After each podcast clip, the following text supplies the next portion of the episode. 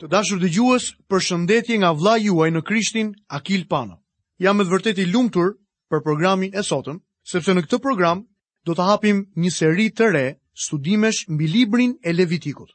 Përpara se të fillojmë hyrjen e librit të Levitikut, dua t'ju kujtoj që në emisionin e kaluar Kemi studiuar kapitullin e fundit, pra kapitullin e 16 të Ungjillit sipas Markut.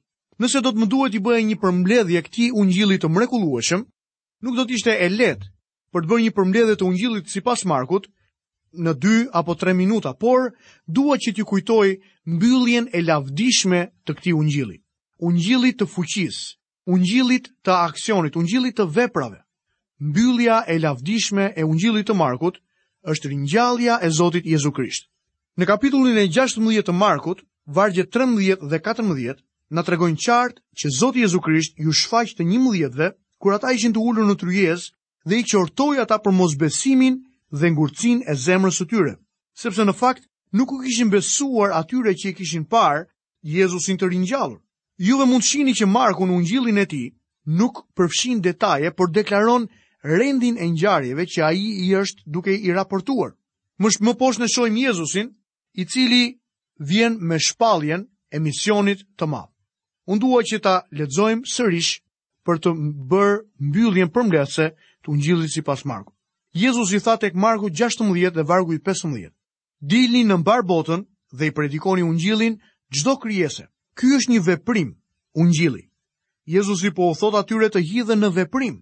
Ata duhet të dilnin. Dhe meqenëse ra fjala, Zoti ynë Jezus është duke na thënë ne sot se duhet të jemi burra dhe gra të veprimit. Çfarë po bën ti sot për të predikuar fjalën e Zotit? Miqtë e mi, kjo është detyra, kjo është puna jonë, misioni ynë sot në tokë. Ti duhet të kesh një pjesë në predikimin e fjalës së Zotit sot. Më poshtë në vargun e 16, Jezusi tha, Ai që beson dhe është pagëzuar, do të jetë i shpëtuar, por ai që nuk ka besuar, do të jetë i dënuar. Dhe këto janë shenjat që do t'i përcjellin ata që do të besojnë. Në emrin tim ata do t'i dëbojnë demonët dhe do të flasin në gjuhë të reja.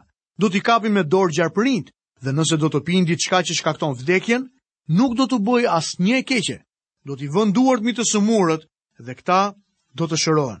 Nëse doni të pranoni ndonjërën prej këtyre dhuratave si shenjë, ju duhet t'i merrni të gjitha. Dhe në mbyllje të ungjillit sipas Markut, Zoti Jezus, pasi u foli, u ngrit në qiell dhe u ul në të djathtë të Perëndisë. Pastaj ata dolën dhe predikuan kudo, ndërsa Zoti bashkëvepronte me ta dhe e vërtetonte fjalën me shenjat që e shoqëronin Amen.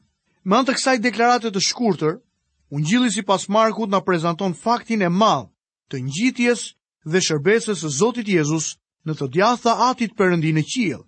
Dishepujt dolën për të predikuar ungjillin çdo krijese dhe Zoti bashkëvepronte me ta dhe vërtetonte fjalën me shenjat që e shoqëronin.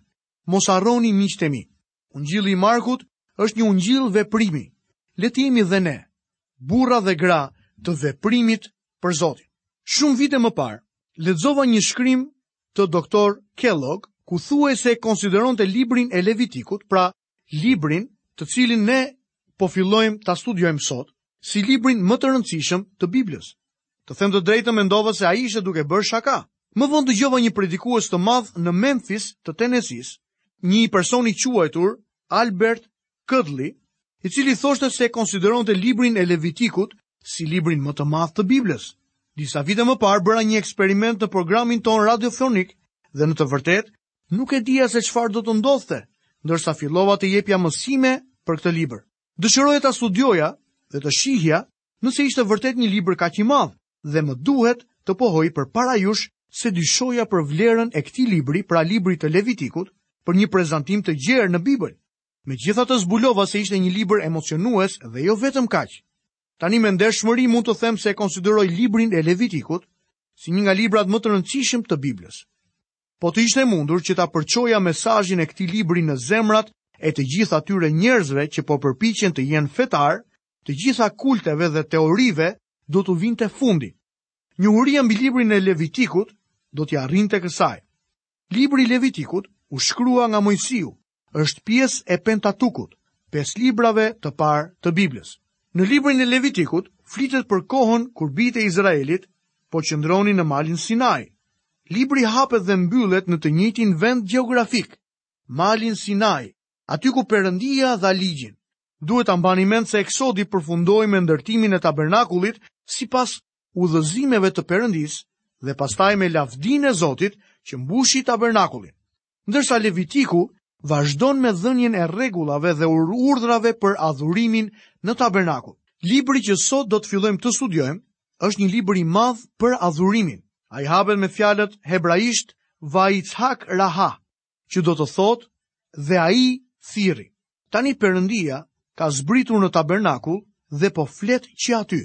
Tani ai nuk flet më që nga mali Sinai, ai po i thërret njerëzit ta takojnë atë në tabernakull. Zoti po u tregon izraelitëve se si duhet të vijnë dhe të ecin përpara tij.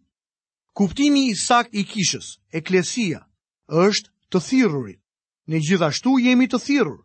Në atë kohë, Perëndia foli nga tabernakulli dhe u kërkoi izraelitëve të vinin tek ai. Po kështu edhe sot, Zoti Jezus na thërret të gjithëve që të shkojmë tek ai. Jezusi tha: Delet e mia e dëgjojnë zërin tim. Kështu ky libër ka një mesazh dhe një zë të mrekullueshëm për të na transmetuar neve sot.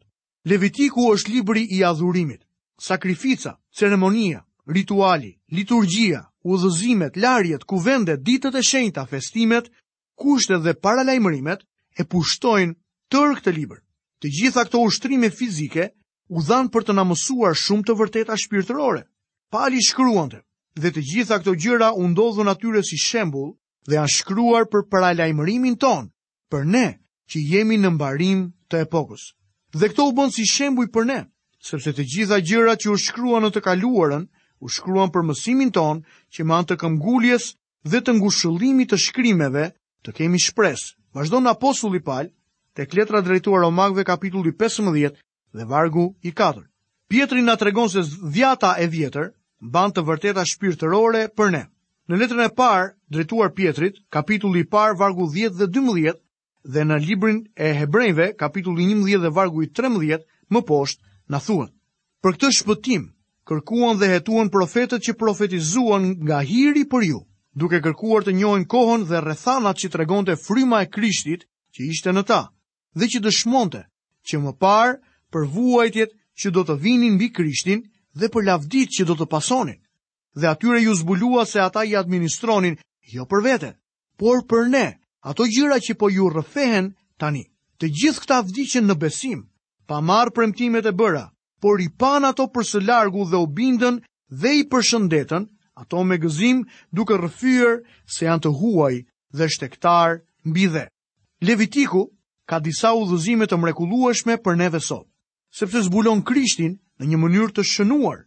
Tindali në librin e tij, prolog për librin e tretë të Moisiut, tha, edhe pse sakrificat dhe ceremonitë nuk mund të jenë tokë, apo themel mbi të cilat mund të ndërtosh, që do të thotë se edhe pse nuk mund të vërtetojmë asgjë me to, përsëri me ta gjetur Krishtin dhe misteret e tij, mund të marrim hua figura, domethënë alegori, krahasime dhe shembuj për të hapur Krishtin dhe sekretet e Perëndisë të fshehura në Krishtin, madje shumë shpejt dhe mund t'i shpallim ato nëpërmjet tyre në mënyrë më të gjallë dhe më të ndjeshme sesa me të gjitha fjalët e botës. Adhurimi për ne sot nuk bëhet më përmes ritualeve ose në një vend të veçantë. A e mbani mend se populli i Izraelit praktikonte ceremonitë dhe ritualet e tij? Por në Samari, Jezusi i tha gruas pranë pusit, O grua, më beso, vjen ora që as mbi këtë mal, as në Jeruzalem nuk do të adhuroni atin. Ju adhuroni atë që s'e njihni, ne adhurojmë atë që njohim, sepse shpëtimi vjen nga judenjtë. por vjen ora, madje ajo ka ardhur, që adhuruesit e vërtetë të adhurojnë atin në frymë dhe në të vërtetë, sepse të tillë janë adhuruesit që kërkon ati. Perëndia është frymë dhe ata që e adhurojnë duhet të adhurojnë në frymë dhe në të vërtetë. Shënimi kyç i librit është shenjtëri për Perëndinë. Mesazhi i librit është i dyfishtë. Së pari, Levitiku na mëson se rruga për tek Perëndia është përmes flijimit. Fjala shlyerje në këtë libër gjendet 45 herë. Shlyerje do të thotë të mbulosh. Gjaku i demave dhe dhive, në të vërtetë, nuk i hoqi mëkatet. Ai e mbuloi mëkatin derisa Krishti erdi për të hequr të gjitha mëkatet. Këtij fakti i referohet dhe apostulli Pal Tek letra e Romakëve kapitulli 3 dhe vargu 25, kur ai thotë, atë ka paracaktuar Perëndia për të bërë shlyerjen nëpërmjet besimit në gjakun e tij, për të treguar kështu drejtësinë e tij për faljen e mëkateve që janë kryer më parë gjatë kohës së durimit të Perëndisë. Mëkatet që janë kryer më parë janë mëkatet në dhjatën e vjetër. Siç e kuptoni, Perëndia asnjëherë nuk e pranoi gjakun e demave dhe të dhive si shpagimin përfundimtar për mëkatin. Por Perëndia kërkonte që të derdhej gjak. Kjo ishte një shlyerje për të mbuluar mëkatin derisa të vinte Krishti. Me fjalë të tjera, Perëndia shpëtonte me kredi në dhjatën e vjetër. Kur erdhi Krishti, ashtu siç një himn e pohon me saktësi, Jezusi e pagoi çmimin të gjithë. Kjo është e vërtetë, si për sa i përket të shkuarës, të tashmes dhe të ardhmes. Një nga vargjet kyç tek libri i Levitikut, që ka të bëjë me shlyerjen, gjendet te kapitulli 17 i këtij libri në vargun e 11. Ky varg thotë: Sepse jeta e mishit është në gjak. Prandaj ju kam urdhëruar ta vini mbi altar për të bërë shlyerjen për jetën tuaj, sepse është gjaku që bën shlyerjen e fajit për jetën. Rruga për tek Perëndia është përmes flijimit. Pa derdhjen e gjakut nuk ka falje të mëkateve. Së dyti, Levitiku na mëson se ecja me Perëndinë është përmes shenjtërimit. Fjala shenjtëri në këtë libër shfaqet 87 herë. Dhe do të jeni të shenjtë për mua, sepse unë Zoti jam i shenjtë dhe ju kam ndarë nga popujt e tjerë me qëllim që të jeni të mitë. Perëndia dha ligje të rrepta në lidhje me dietën, jetën shoqërore dhe detajet e përditshme duke përfshirë çdo aspekt fizik të jetës së popullit të tij. Këto ligje kanë një zbatim shpirtëror akoma më të madh për popullin e tij sot. Kjo është arsyeja se pse mendoj se ne duhet ta studiojmë më shumë dhe me shumë vëmendje librin e Levitikut. Ju e kuptoni se hyrja e mëkatarit sot për tek Perëndia sigurohet përmes gjakut të derdhur të Zotit tonë Jezu Krisht. Shkruesi i letrës së Hebrejve e pohon këtë gjë në këtë mënyrë. Dhe jo për ta kushtuar si fli veten e tij shumë herë, sikurse kryeprifti që hyn vit për vit në shenjtërore me gjak që s'është i veti, sepse përndryshe ai duhet të pësonte shumë herë që kurse u krijua bota. Por tani, vetëm një herë, në fund të shekujve, Krishti u shfaq për të prishur mëkatin me anë të flijimit të vetvetes. Ata që janë shpenguar nga gjaku i Krishtit duhet të jetojnë një jetë të shenjtë, nëse duan të adhurojnë dhe të kënaqen me Perëndinë dhe Perëndia e paqes, që ngriti nga të vdekurit me anë të gjakut të besëlidhjes së amshuar, bariun e madh të dhenve, Perëndinë tonë Jezu Krisht ju bëftë të përsosur për çdo vepër të mirë, që të kryeni vullnetin e tij, duke punuar tek ju atë që është e pëlqyer përpara tij, me anë të Jezu Krishtit, të cilit i qoftë lavdi në shekuj të shekujve. Amen. Libri i Levitikut është një libër i shënuar, ndërsa përmbajtjet konsiderohen në dritën e dhiatës së re. Ky libër mund të jetë aq i mërzitshëm saç mund të jetë për të krishterin mesatar dhe do të gjesh pak njerëz që e lexojnë dhe e studiojnë librin e Levitikut. Dhe megjithatë ai është një libër i shënuar. Pesë oferta që hapin këtë libër janë qartësisht si kristali gurë të gdhendur të Krishtit. Ato përshkruajnë personin e tij, hipostatik në thellësi dhe vdekjen e tij në detaje. Këtë gjë e gjejmë nga kapitujt e parë deri në kapitullin e 7. Së dyti, shenjtërimi i priftërinjve zbulon sa i cekët dhe i pamjaftueshëm është mendimi ynë mbi shenjtërimin e të krishterëve. Këtë çështje e zbulojmë në kapitujt e 8 dhe deri në kapitullin e 10. Dieta që siguroi Perëndia për popullin e tij ishte higjienike dhe terapeutike dhe përmban shumë ushqim shpirtëror dhe për shpirtrat tanë. Këtë e zbulojmë në kapitullin e 11. Vëmendje i është kushtuar të qenit nënë dhe është një shembull më shumë i asaj që Perëndia mendon për sa i përket të qenit grua. Së pesti, rëndësia që i jepet lebrës dhe trajtimit të saj në zemër të këtij libri mbi adhurimin kërkon vëmendjen tonë. Përse gjendet aty seksion i gjerë mbi lebrën? Ata që u është dhënë të kuptojnë thellësisht shkrimin, kanë gjetur këtu një tip mëkati dhe efektin e tij ndotës mbi njeriun në marrëdhënien e tij me Perëndinë. Pastrimi i lebrës e gjen përmbushjen e vet në vdekjen dhe ngritjen e Krishtit, siç tipizohet në një flijim tepër të pazakontë të dy zogjve te kapitujt 13 deri në kapitullin e 15. Miku im, nëse ti dhe unë duam që t'i shpëtojmë ndotjes së mëkatit në këtë botë, duhet të mësojmë shumë për vdekjen dhe ringjalljen e Krishtit dhe zbatimin e tij në jetët tona. Së gjashti, dita e madhe e shlyerjes së mëkateve është një portret i plot i flijimit të Krishtit. Në kapitullin e 16 e shikojmë këtë çështje. Së shtati, rëndësia e altarit të djegur në tabernakull thekson karakteristikën e domosdoshme të kryqit të Krishtit dhe këtë çështje e shqyrtojmë në kapitullin e 17 të këtij libri. Së teti, theksohet që vijnë në këtë libër udhëzimesh mbi detaje në dukje të vogla në jetën e përditshme të popullit të Perëndisë. Dhe kjo që zbulon se Perëndia ka për qëllim që familja njerëzore të përfshihet me të. Perëndia kërkon të përfshihet në punën tënde, në jetën tënde familjare dhe në jetën tënde shoqërore. Miku im, të kemi kujdes që të mos e lëmë Perëndinë jashtë jetëve tona. Së nënti, lista e festave furnizon një program profetik të agjendës së Perëndisë për të gjithë kohën. Ne këtë e gjejmë në kapitullin e 23. Së dhjeti, Shohim që ligjet mbi tokën e Palestinës japin një shpjegim të historisë së saj kontrolluese dhe të bëjnë të kuptosh të ardhmen e saj të rëndësishme. Në këtë libër ka shumë profeci. Kombi i Izraelit dhe toka e premtuar janë gërshetuar dhe ndërthurur prej këtu dhe në përjetësi. Dhe këtë çështje e shohim për ta shqyrtuar ndër kapitujt 24 deri 27. ka një marrëdhënie të mrekullueshme në të tre librat e parë të Biblës. Tek Zanafilla shohim njeriun e shkatërruar, tek Eksodi shohim njeriun e shpenguar, tek Levitiku shohim njeriun duke adhuruar Perëndinë. Mund të bëjmë një krahasim dhe kontrast midis librit të Eksodit dhe atij të Levitikut. Në librin e Eksodit shohim ofrimin e faljes, ndërsa Levitiku ofron pastërtinë. Tek Eksodi shohim Perëndinë që i afrohet njeriut, ndërsa tek Levitiku shohim njeriun i cili i afrohet Perëndisë. Tek Eksodi Krishti është shpëtimtari, ndërsa tek Levitiku Krishti është shenjtëruesi. Tek Eksodi vihet re në dukje faji i njeriut, ndërsa tek Levitiku ndotja e tij. Tek Eksodi Perëndia flet nga mali, ndërsa tek Levitiku nga tabernakulli. Në librin e Eksodit pamë që njeriu bëhet i afërt me Perëndinë. ndërsa tek Levitiku njeriu mbahet afër Perëndisë. Tema e kapitullit të parë të librit të Levitikut është flijimi, rregulla, rituali dhe arsyeja për Holokaustin dhe ligji i Holokaustit. Kjo është oferta më e vjetër e njohur për njeriun.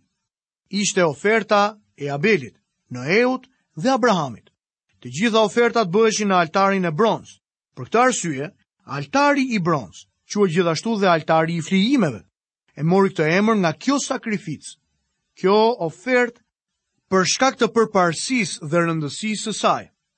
Kjo ofertë është një tablo e Krishtit si në thellësi, ashtu si dhe në vdekje. Një njeri nuk mund ta hetojë kuptimin e plotë të kësaj oferte, sepse vendos para nesh atë që sheh Perëndia te Krishti. Ne nuk mund të shohim aq shumë sa shikon Perëndia. Këtu gjendet një mister i thellë që mund ta zbulojë vetëm fryma e Perëndisë. Flijimi tregon personin e Krishtit. Ai është zëvendësuesi ynë. Apostulli Pal na e zbulon këtë çështje tek Efesianët kapitulli 5 dhe vargu i 2. Ai thotë: Edhe ecni në dashuri, sikurse edhe Krishti na deshi dhe e dha veten e tij për ne, si ofertë e flijim Perëndisë, si një parfum erëmirë. Le të shohim disa rregulla për holokaustin. Kapitulli i parë i librit të Levitikut, vargu i parë. Zoti thirri Moisiun dhe i foli nga çadra e mbledhjes duke thënë. Perëndia e thirri Moisiun nga tabernakulli. Ai nuk po flet më nga maja e malit Sinai në vetëtimë dhe bubullimë si në kohën kur dha urdhërimet. Këtu ai i flet Moisiut për pajtim nga tabernakulli. Fjalët Zoti thirri na tregojnë për thirrjen e tij, e cila është për ata që do të dëgjojnë zërin e tij. Është shumë e rëndësishme që kjo të kuptohet mirë prej nesh. Perëndia po i thërret njerëzit që të pajtohen me të. Kisha është një trup i thirrur dhe ata janë të zgjedhur sepse janë të thirrur, sepse judenjtë kërkojnë një shenjë dhe grekët kërkojnë dituri. Por ne predikojmë Krishtin të kryqëzuar, skandal për judenjtë dhe marrëzi për grekët. Kurse për ata që janë thirrur, qofshin judenj ose grekë, predikojmë Krishtin, fuqinë e Perëndisë dhe diturinë e tij. Të thirrur nuk do të thotë vetëm ata që dëgjojnë, do të thotë ata që kanë dëgjuar dhe që janë përgjigjur kësaj thirrje. Do të dëshiroja t'ju pyesja. A e keni dëgjuar Perëndinë dhe a jeni përgjigjur thirrjes së tij në jetën tuaj?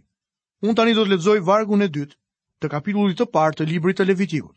Folu bijve të Izraelit dhe u thuaj atyre: Kur dikush nga ju sjell një ofertë për Zotin, Sillni si fli tuajën një kafshë të marrë nga kopeja e bagëtisë së trashë ose të imët. Kur dikush nga ju, do të thotë, kushdo që të vijë. E pra të dashur vëllezër, këtu kemi mbërritur dhe në mbylljen e programit të sotëm. Ju kujtoj që kemi hyrë në një seri të re studimesh mbi librin e Levitikut. Sot kemi bërë hyrjen e këtij libri dhe kemi studiuar dy vargjet e para të kapitullit të parë të librit të Levitikut. Kapitullin e parë do të vazhdojmë sërish ta diskutojmë së bashku për ta studiuar në emisionin e ardhshëm. Nga vëllai juaj në Krishtin, Akil Pano, paçi të gjitha bekimet e Perëndisë dhe paqen e tij në jetën tuaj.